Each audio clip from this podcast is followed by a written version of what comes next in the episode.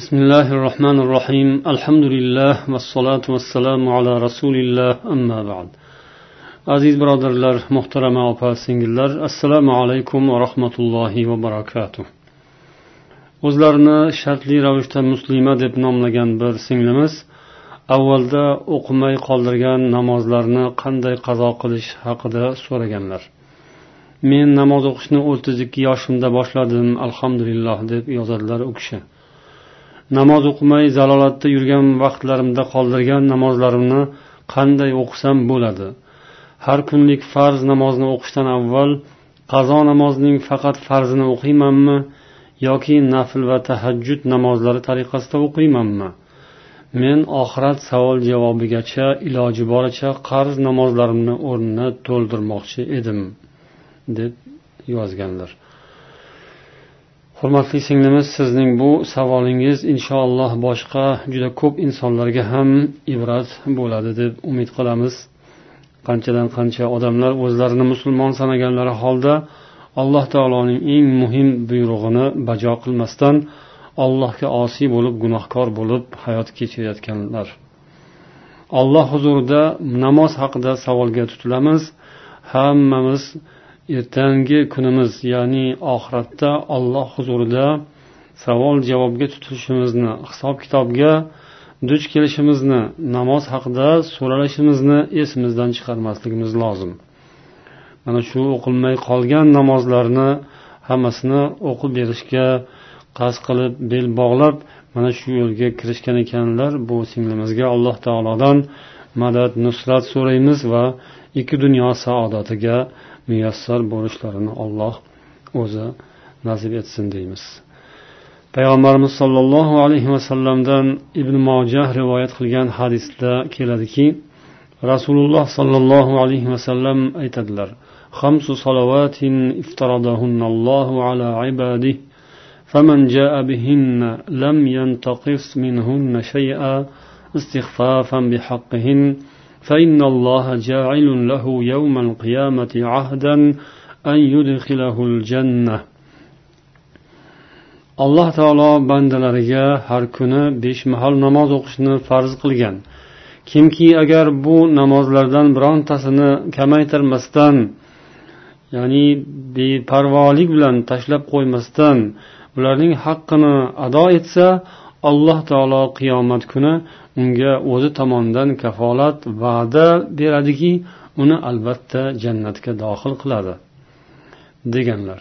Yana mana shu hadisning davomida keladiki kimki agar bu olloh farz qilgan namozlarni o'qimasa ularning haqqiga rioya qilmasa e'tiborsiz bo'ladigan bo'lsa alloh taolo tomonidan unga hech qanday kafolat va'da yo'qdir. Bu hadisni shayx alboniy ham sahih sanaganlar. Yana ibn mojah rivoyat qilgan bir hadisda payg'ambar sollallohu alayhi vasallam baynal abdi va baynal kufri tarkus solah deganlar. Banda bilan kufr o'rtasida tarkus solat namozni tark etish bor. Ya'ni banda bilan inson bilan kufr o'rtasida to'siq mana shu namoz to'siq bo'lib turadi. Agar namozni o'qimasa demak o'rtadan to'siq olib tashlangan bo'ladi. U odam bilan kufr o'rtasida vosita paydo bo'ladi. U odam demak kufrga kirib qolish xavfi bo'ladi. Ba'zan u tarki salot namoz o'qimasligi tufayli kofir bo'ladi. Ba'zan esa buning sabablari uzrlari boshqa bir sabablari bo'lishi ehtimoli borligi uchun uni dabdurustdan kofir deyilmaydi. To uning so'zini eshitilmaguncha agar u namozni farzligini inkor etgan holda qasddan tark qilib yurgan bo'lsa kofir deyiladi.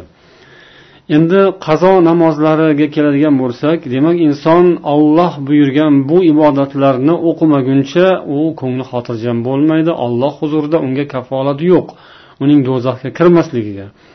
Bu odam namozlarni o'qimay qoldirgan namozlarni o'qishi lozim bo'ladi. Payg'ambar sollallohu alayhi vasallam kimki namozni o'qimasa esdan chiqarsa esiga tushgan zahoti o'qisin deganlar. Qazo namozlari agar soni kam bo'lsa albatta tez o'qib olish kerak va tartib bilan o'qilishi lozim. Ya'ni avval bomdod keyin peshin asr shom xufton. Mana shu tartib bilan o'qilishi kerak. Agar namozlar qazo namozlari ko'payib ketgan bo'lsa unda tartib soqit bo'ladi. Ko'payib ketgan deganda olti vaqt namoz nazarda tutiladi. Ya'ni bir kunlik namozdan ko'paygan bo'lsa unda tartibga rioya qilish shart qilinmaydi. Masalan bomdod peshin va asrni o'qimagan bo'lsa inson avval bomdodni keyin peshinni keyin asrni o'qish kerak. Ammo mana shu namozlarni bu tartibda o'qiyman desa asr vaqti chiqib ketib qoladigan bo'lsa avval asrni o'qib olishi shart bo'ladi. Fathul qadirda keltiriladi.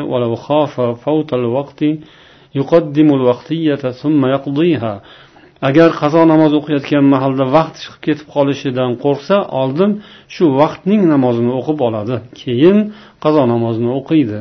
Chunki vaqtning torligi bilan tartib soqit bo'ladi deydilar. Yana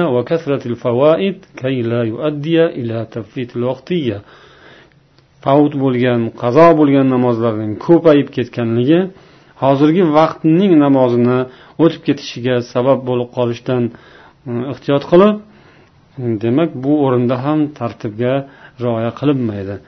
Shunday qilib qazo namozlaringiz demak judayam ko'p qolgan bo'lsa siz buni qanday o'qishingiz o'zingizning ixtiyoringizda imkoniyatingizda sizga bu borada kenglik ya'ni qachon imkon topib bemalol deb bilsangiz o'qishingiz kerak. Ya'ni bu degani cho'zib yurish degani emas balki o'zingizga qulay fursatni mo'ljal qilib o'shanda o'qishingiz lozim. Albatta siz har kunning namozning oldidan o'qishingiz shart deyilmaydi.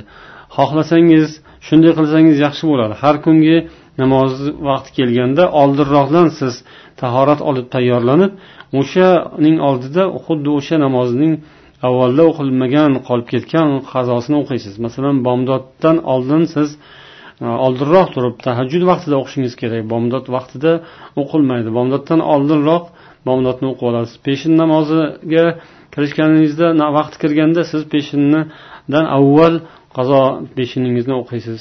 Keyin asr.